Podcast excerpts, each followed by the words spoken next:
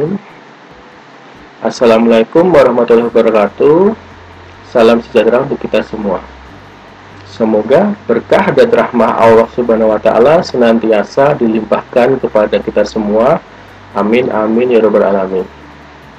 Baiklah para bakti lovers ya, di mana pun kalian berada, senang sekali hari ini kita bisa berjumpa lagi untuk mendengarkan curhatan saya tentang pendidikan Pancasila.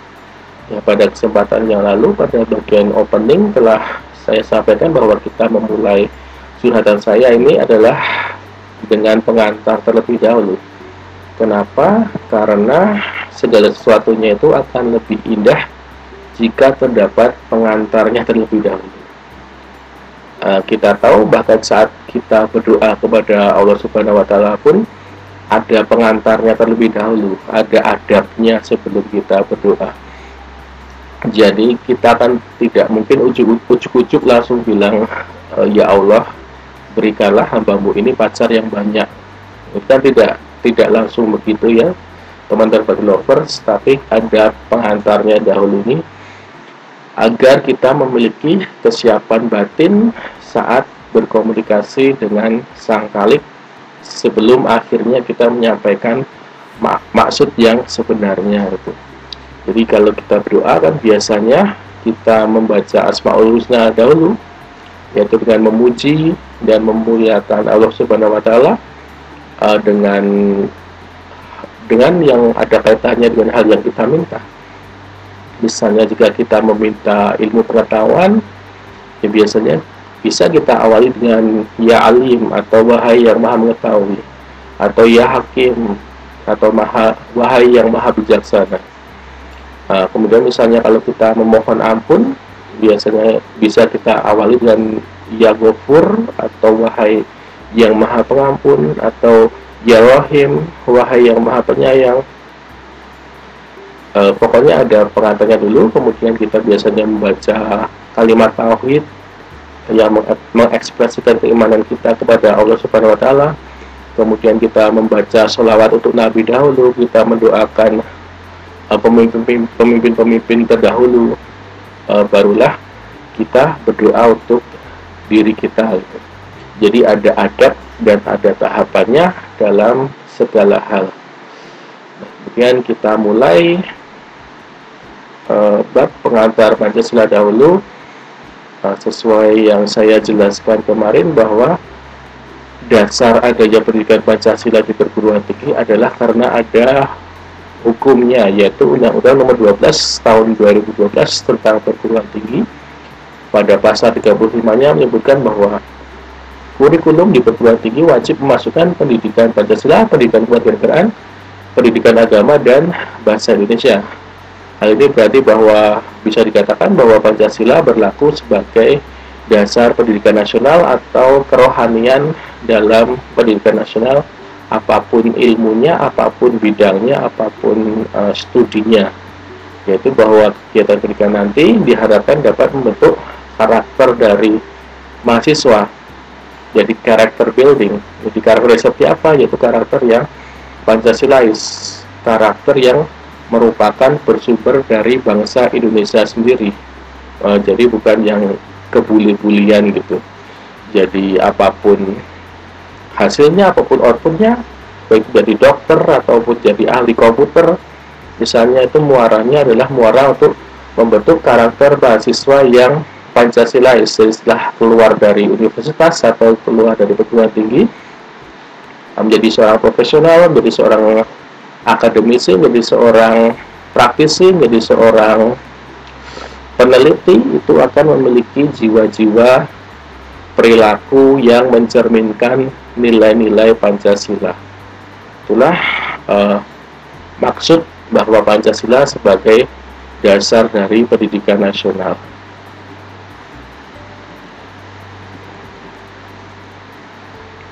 Kemudian diharapkan setelah selesai dari bab uh, pengantar ini uh, teman-teman bagi lovers akhirnya dapat menjawab pertanyaan ini perlukah pendidikan Pancasila pada perguruan tinggi? Perlukah? Kita mulai terlebih dahulu. Uh, nah jadi itu tadi antara lain tujuan dari pendidikan Pancasila untuk karakter building sedangkan tujuan umumnya adalah untuk menumbuhkan wawasan dan kesadaran berbangsa dan bernegara. Ya seperti kita ketahui bahwa kita akan mempunyai status yang sama apa pun bidangnya apa pun profesi kita kita mempunyai status yang sama. Selain status kita sebagai makhluk sosial yaitu sebagai makhluk yang hanya bisa melangsungkan hidupannya jika kita melakukan interaksi dengan makhluk yang lain kita saling bekerja sama dengan makhluk lain. Nah, selain sebagai sosial kita juga merupakan warga negara atau anggota dari suatu negara kita merupakan warga negara Indonesia maka dari itu tetap diperlukan wawasan tentang kewarganegaraan, wawasan tentang dasar-dasar negara yang pengetahuan umum tersebut antara lain bisa didapat dari pendidikan Pancasila dan pendidikan kewarganegaraan. Jadi secara umum uh, untuk menumbuhkan wawasan dan kesadaran berbangsa dan bernegara bagi kita semua, bagi kita sebagai warga negara, anggota suatu negara. Kemudian yang kedua, pendidikan secara umum tujuannya adalah untuk menumbuhkan uh, perilaku cinta tanah air, bersendikan kebudayaan bangsa. Jadi diharapkan teman-teman bagi lovers nantinya bisa lebih cinta terhadap bangsa Indonesia uh, karena ya jangan sampai teman-teman sudah menjadi dokter, sudah menjadi ahli komputer, sudah menjadi ahli matematika, ahli peroketan tapi nantinya setelah sukses hanya ingin kabur ke luar negeri misalnya.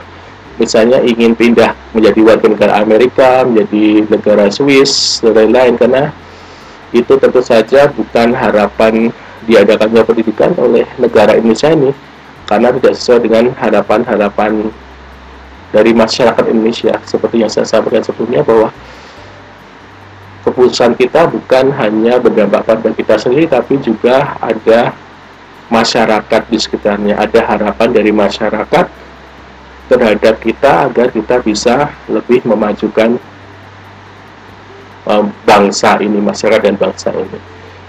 Jadi itulah antara lain agar juga tumbuh perilaku cinta tanah air, bersendikan kebudayaan bangsa. Kemudian secara khusus tujuan pendidikan nasional Eh, seperti yang terlihat untuk membentuk manusia yang berkualitas, beriman dan bertakwa secara kreatif, cerdas, terampil, berdisiplin, beritas kerja, profesional, bertanggung jawab, dan produktif.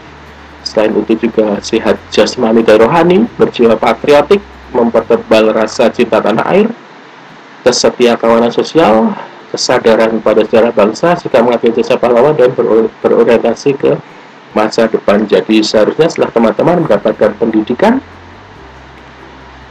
pendidikan apa pun itu, seharusnya teman-teman sudah mendapatkan poin-poin ini semua. Jika tidak mendapatkan ini, berarti ada yang salah dengan proses pendidikan nasionalnya teman-teman ini. Kemudian eh, yang menarik adalah salah satu Outputnya atau tujuannya adalah kesadaran pada sejarah bangsa dan sikap menghargai jasa pahlawan dan berorientasi ke masa depan. Jadi diharapkan teman-teman ini tetap menghargai sejarah karena kita tahu ya bagi lovers eh, bangsa Indonesia ini dilahirkan atau dibentuk dari keringat dan darah para pahlawan kita. Akhirnya kita bisa mengenyang pendidikan kita bisa hidup layak seperti manusia ini adalah karena perjuangan dari para pahlawan kita. Maka itu kita harus jangan sampai meremehkan sejarah. Kita juga harus tahu sejarah bangsa kita juga harus menghargai para pahlawan seperti uh, ya pepatah internasional menyatakan bahwa negara yang besar adalah negara yang menghargai jasa para pahlawannya. Dari diharapkan dengan pendidikan ini kita lebih menghargai sejarah. Karena kita dapat mengambil banyak manfaat dari sejarah itu. Selain itu selain kita sejarah kita juga tetap harus berorientasi ke masa depan. Itulah yang diharapkan output dari teman-teman untuk menjalankan pendidikan nasional ini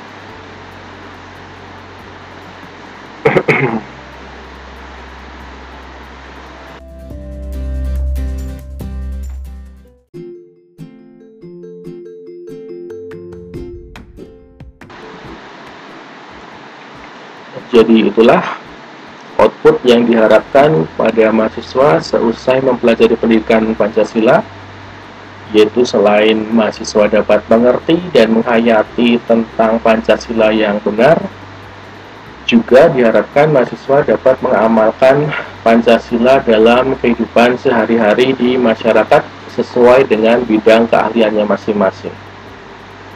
Nah, selain itu juga diharapkan kita sebagai golongan intelektual turut mengamankan Pancasila dari segala macam bahaya dari mana pun datangnya.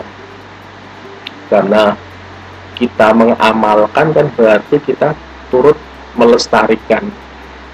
Dan jika ada fenomena-fenomena yang melenceng dari nilai-nilai Pancasila yang benar tadi, kita diharapkan untuk bisa aktif, bisa responsif mengamankan Pancasila dari fenomena-fenomena tersebut. Itulah outputnya. Kita lanjutkan teman-teman bagi lovers tentang sumber pendidikan Pancasila. Yang pertama yaitu secara historis, seperti yang saya katakan tadi, kita jangan sampai meremehkan sejarah. Kita jangan sekali-kali meninggalkan sejarah. Itu menurut Pak Karno pernah bilang seperti itu, jangan sekali-kali melihat sejarah. Kenapa? Karena di dalam sejarah mempunyai fungsi yang penting dalam membangun kehidupan bangsa agar lebih bijaksana di masa depan. Jadi jangan meninggalkan sejarah karena agar kita bisa menjadi lebih bijaksana dalam membangun negara ini di masa depan. Sedangkan menurut Cicero juga Historia Vitae Magistra atau sejarah bisa memberikan kearifan.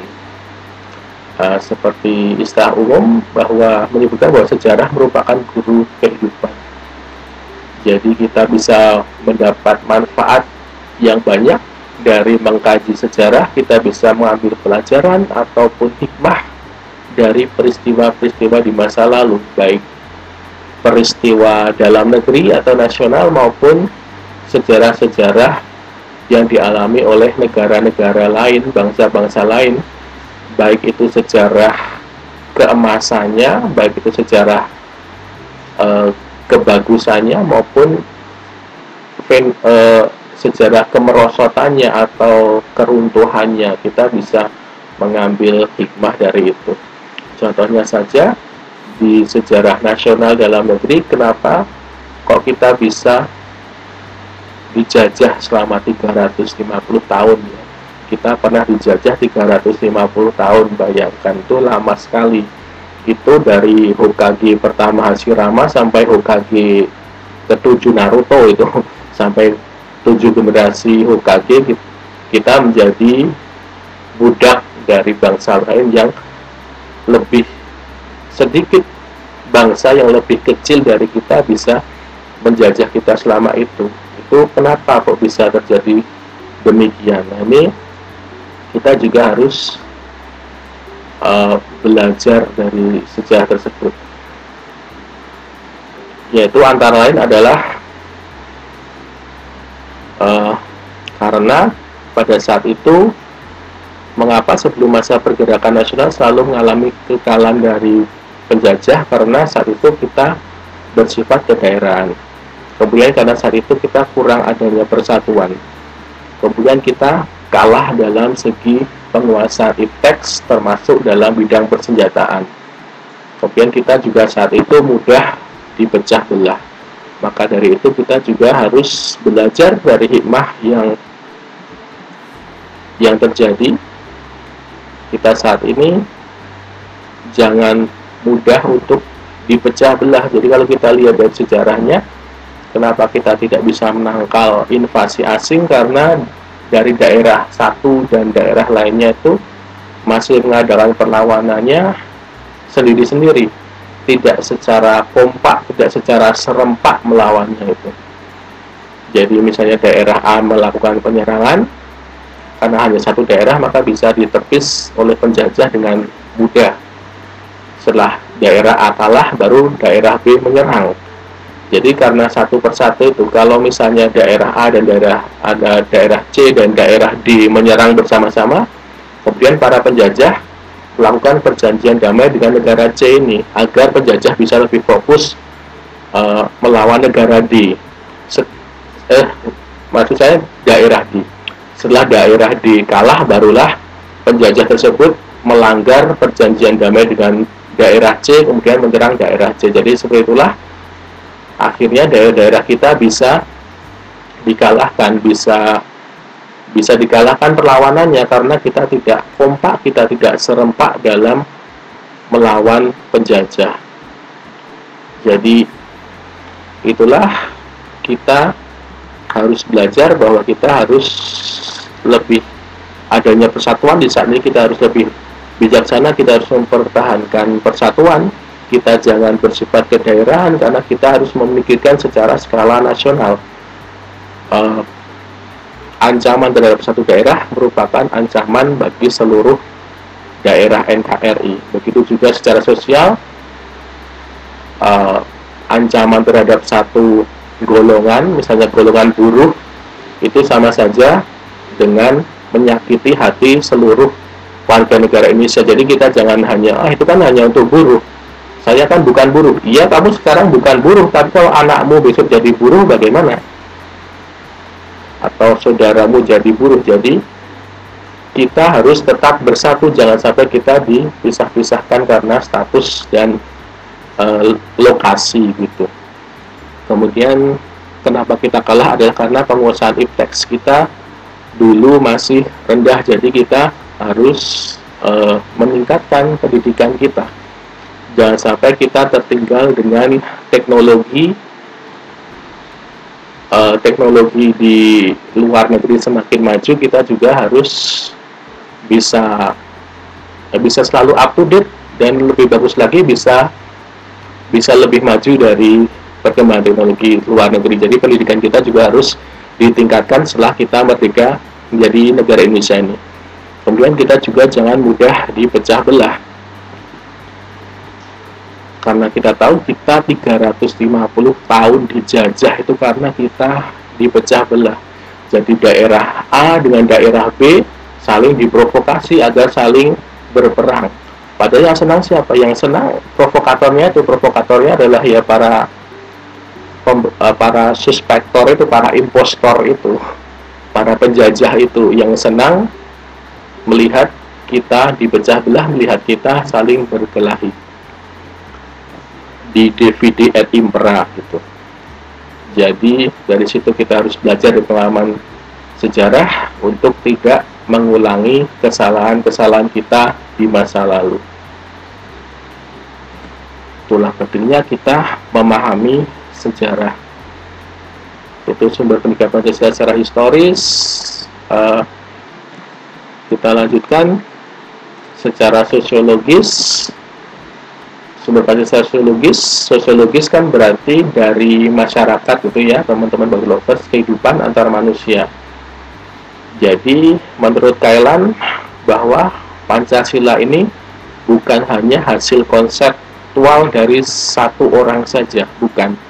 Namun melainkan merupakan hasil karya besar atau masterpiece dari seluruh bangsa Indonesia sendiri yang diangkat dari nilai-nilai cultural atau nilai-nilai kebudayaan yang dimiliki oleh bangsa ini sendiri melalui proses refleksi filosofis para pendiri negara.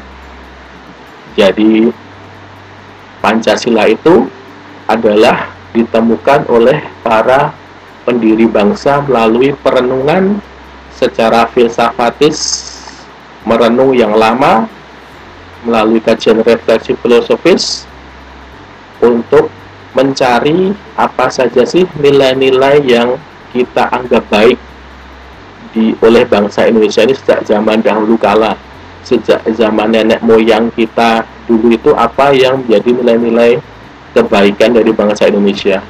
Kemudian setelah ditemukan nilai-nilai tersebut dirangkum menjadi Pancasila kita saat ini. Jadi itulah maka menurut KLM bisa disebut Pancasila merupakan milik bangsa Indonesia karena digali dari nilai-nilai bangsa Indonesia itu sendiri. Jadi Pancasila merupakan masterpiece karya bangsa Indonesia. Karya bangsa Indonesia berarti bukanlah milik satu orang saja, bukanlah milik satu organisasi saja, bukanlah milik satu partai saja, bukanlah milik satu rezim kekuasaan saja, bukan milik suatu kekuasaan pemerintah saja, melainkan Pancasila adalah milik bangsa Indonesia. Gitu. Jadi bahkan uh, founding fathers Pak Soekarno saja pernah menyampaikan bahwa kenapa diucapkan terima kasih kepada saya, kenapa saya yang diagung-agungkan. Padahal toh sudah sering saya katakan bahwa saya bukan pencipta Pancasila saya sekedar penggali Pancasila daripada bumi tanah air Indonesia ini yang kemudian lima mutiara yang saya gali tersebut saya persembahkan kembali kepada bangsa Indonesia. Jadi kita bisa ambil kesimpulan di sini bahwa Pak Karno pun menolak untuk dikatakan sebagai pencipta Pancasila itu.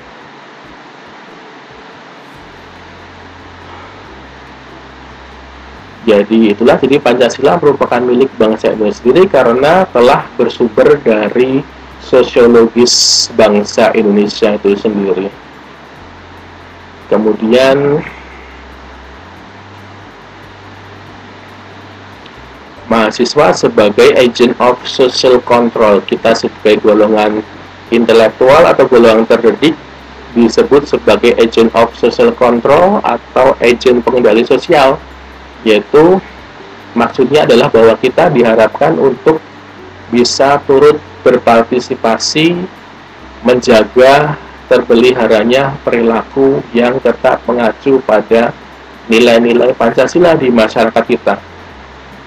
Eh, seperti yang saya katakan di awal tadi, tujuan dari pendidikan ini adalah agar kita juga mempunyai sifat yang responsif terhadap perilaku-perilaku di luar nilai-nilai Pancasila atau fenomena-fenomena yang terjadi di luar sana gitu. Kita juga harus mengamankan Pancasila ini. Gitu. Jadi fenomena-fenomena yang menunjukkan lunturnya nilai-nilai Pancasila sebagai dampak dari Pancasila sudah tidak dijalankan secara benar lagi antara lain adalah adanya disintegrasi misalnya disintegrasi atau perpecahan itu. Disintegrasi atau perpecahan bukan hanya berbentuk uh, adanya pemberontakan ingin melepaskan diri dari NKRI saja bisa diawali dari benih-benih disintegrasi atau benih-benih benih-benih ketidaksetiaan itu benih-benih kekecewaan terhadap NKRI Uh, contohnya saja, ini masa disintegrasi adalah karena adanya primordialisme yang negatif. Primordialisme adalah sebuah pandangan atau paham yang primer atau pertama, yaitu yang memegang teguh hal-hal yang dibawa sejak kecil, baik mengenai tradisi, adat istiadat, kepercayaan maupun segala sesuatu yang ada di lingkaran pertamanya yang dia dapat dari daerah pertamanya. Nah, ini sebenarnya primordialisme ini bagus untuk uh, uh, kebudayaan untuk melestarikan budaya. Namun jika sudah menjadi terlalu negatif ini justru akan uh, justru akan sulit untuk mencapai kesatuan atau nasionalisme malah justru akan menunjukkan terjadinya integrasi atau persatuan nasional. Nah, sehingga seharusnya kita sebagai bangsa Indonesia bukan hanya terdiri dari daerah A atau orang B atau orang C saja, tapi kita adalah bersatu sebagai bangsa Indonesia. Bukan hanya daerah A, daerah B, daerah C saja. kemudian sifat primordialisme ini yang negatif akan menghasilkan turunannya dengan apa yang dikenal dengan etnosentrisme atau paham kedaerahan yang membanding-bandingkan budaya daerah lain. Jadi dia menganggap bahwa budaya miliknya sendiri ini miliknya sendiri itu yang paling baik terlalu mengagung-agungkan daerahnya sendiri dibandingkan daerah lain eh, daerah lain dianggap dijelek-jelekan dianggap kurang berbudaya atau masih jelek atau uh, atau masih kalah dibanding daerahnya sendiri itulah bisa menyebabkan integrasi eh, disintegrasi juga ini contoh-contohnya saja uh, yang bisa menyebabkan disintegrasi. Padahal kita tahu kita akhirnya bisa merdeka setelah 350 tahun dijajah adalah karena persatuan dan kesatuan. Karena kita mempunyai satu identitas yaitu negara Indonesia. Kemudian fenomena terkikisnya Pancasila yang lain adalah misalnya adanya korupsi. Uh, maraknya korupsi uh, saya pernah bilang ya teman-teman bakti lovers bahwa adanya korupsi ini setidaknya ada dua faktor yang menyebabkan korupsi apa itu dua faktor itu yang pertama adalah karena adanya keadaan yang memaksa.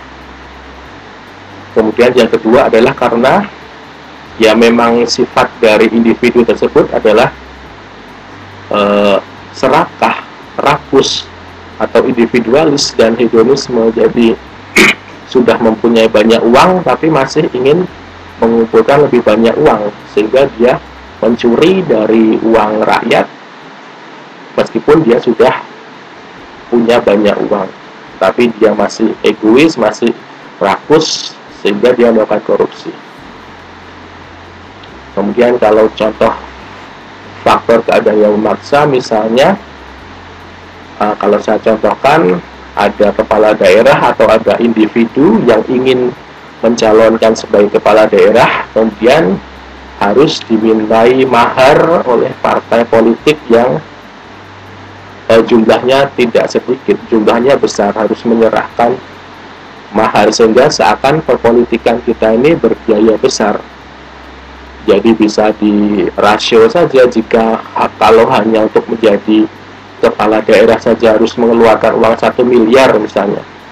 Tentunya kita sebagai uh, penduduk biasa kita tidak dapat percaya bahwa dia saat menjadi beneran menjadi kepala daerah yang dipikirkan hanyalah kepentingan rakyat. Kita tidak bisa percaya itu karena dia sudah berkorban banyak untuk bisa mencapai kepala daerah.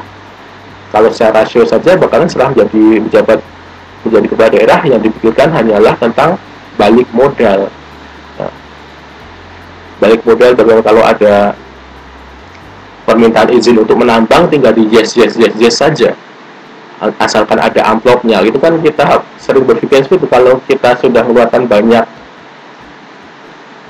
banyak biaya banyak banyak upaya untuk mendapatkan suatu posisi kan kalau secara rasio saja pasti kita pasti orang tersebut ingin mendapatkan keuntungan. Paling tidak balik modal gitu kan. Jadi bagaimana bisa kita percaya kalau perpolitikan di negara ini masih politik ber biaya mahal itu sangat uh, itu antara lain contoh dari faktor-faktor korupsi. Jadi ingin saya tekankan lagi bahwa kalau saya bilang korupsi itu adalah paham. korupsi adalah paham. Jadi bagaimana cara menanggulangi korupsi? Ya paham dilawan dengan paham. Paham korupsi dilawan dengan paham nasionalisme, dilawan dengan paham religio, relig, religius, paham keagamaan. Jadi tidak bisa korupsi dilawan dengan hanya hukum saja, hanya hanya aturan saja, karena korupsi itu paham. Bisa jadi kita saat menjadi mahasiswa ini kita bilang teriak-teriak anti korupsi, anti anti suap, korupsi itu tikus, kita menjelek-jelekan dengan para wakil rakyat di sana, Bisa jadi karena kita belum pernah melihat uang satu miliar di hadapan kita saja, makanya kita bisa melihat seperti itu karena korupsi itu paham. Jangan-jangan kita setelah menjadi DPR, setelah menjadi wakil rakyat, akhirnya bisa tergoda juga. Karena kita semua ini adalah calon-calon koruptor karena korupsi itu adalah paham maka dari itu paham harus dilawan dengan paham kita harus lebih meningkatkan paham nasionalisme kita. Kita lebih lebih meningkatkan paham religius kita agama kita kita sosialisme kita. Kalau kita mendapat mendapat banyak uang banyak modal contohkan saja dapat banyak kekayaan dari bangsa Indonesia kemudian kita kabur ke luar negeri kita menjadi apa di luar negeri? Bangsa Indonesia itu kalau ada bule lihat kamu dari mana? Saya dari Indonesia. Oh dari Indonesia. Itu jangan sampai jangan sampai bangsa Indonesia ini dikenal buruk oleh bangsa asing. Kita sudah pembabat hutan tercepat nomor satu di dunia. Kita sudah jadi negara uh, indeks korupsinya berapa jangan sampai kita kita kan punya jangan malu lah kita dicap jelek di negara internasional jadi kita harus meningkatkan nasionalisme kita. Uh, kemudian kita lanjutkan saja ya bagi lovers itu curhatan saya. Kemudian fenomena terfikir Pancasilanya berikutnya adalah misalnya tentang terorisme. nah, jadi ini adalah bentuk bahwa nilai Pancasila harusnya kita menjadi pemeluk agama yang egaliter Pancasila mengharapkan seperti itu. Pancasila mengharapkan kita menjadi pemeluk agama yang egaliter, walaupun egaliter itu apa? Egaliter adalah kita memandang setiap orang itu adalah merupakan sederajat. Tidak ada orang lain yang tidak ada orang yang berhak untuk menjelekkan agama orang lain.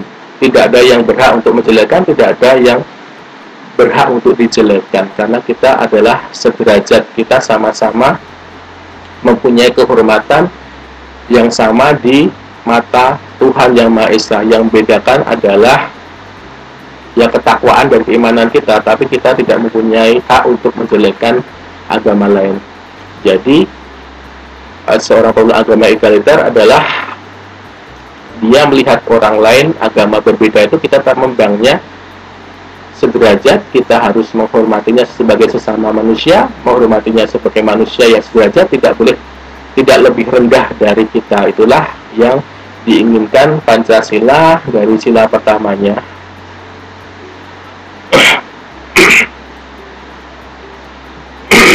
Jadi itulah karena sering kali terorisme disangkut pautkan dengan agama tertentu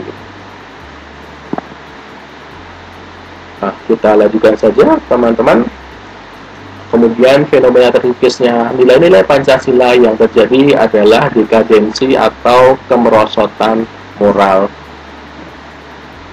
E, misalnya saja di sini terlihat adalah masalah tawuran yang tidak sesuai dengan Pancasila. Saya sebutkan lagi bahwa kita akhirnya bisa merdeka, akhirnya menjadi bangsa Indonesia setelah 350 tahun dijajah adalah karena kita akhirnya bersatu. Namun ini fenomena-fenomena yang terjadi dalam bentuk kecilnya kita sudah melihat banyak anak-anak pelajar yang terlalu ke daerah bisa tawuran antar pelajar, tawuran antar daerah karena ya, jadi inilah yang fenomena-fenomena yang terjadi di mana nilai-nilai Pancasila sudah mulai ditinggalkan oleh bangsa Indonesia. Jadi saya tanya, menurut teman-teman bagi lovers, apakah Pancasila di masa sekarang dan masa depan ini masih diperlukan atau tidak gitu?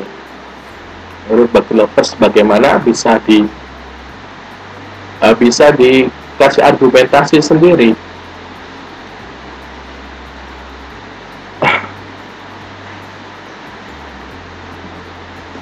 Jadi kira-kira apakah Pancasila masih diperlukan dalam pendidikan nasional atau tidak?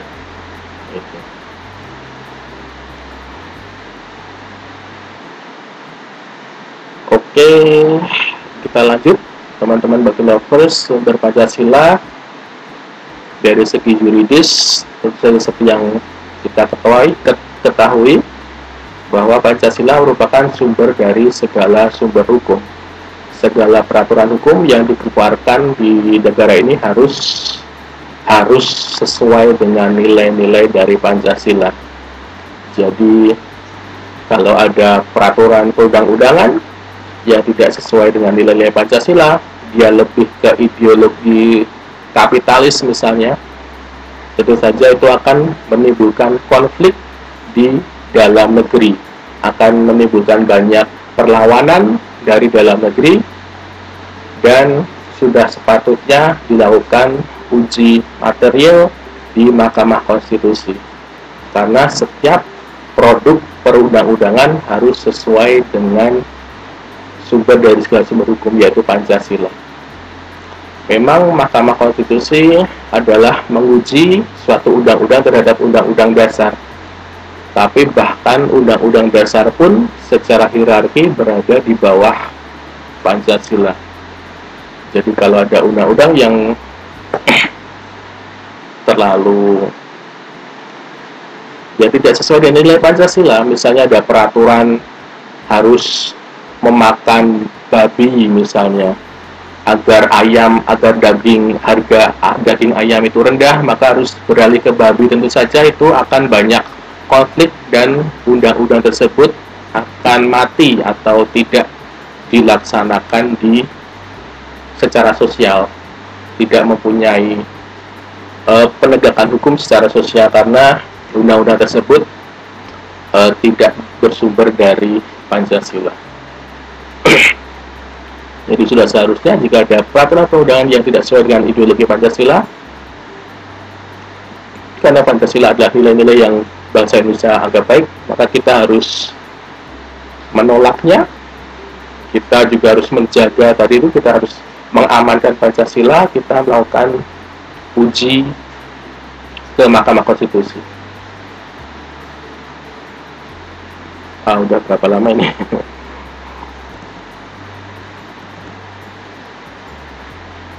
uh, baik. Uh, uh, uh, terima kasih untuk Pak Lover sudah mendengarkan curhatan saya. Saya mohon pamit dahulu. Untuk versi 1 saya akhiri sampai sini. Jika ada saran dan komentar bisa dituliskan di kolom komentar di YouTube di channel saya ataupun di uh, aplikasi podcast saya. Baik, saya akhiri untuk versi satu. Terima kasih banyak untuk perhatiannya teman-teman Doki Lovers. Sampai bertemu lagi di kesempatan mendatang. Wassalamualaikum warahmatullahi wabarakatuh. Terima kasih.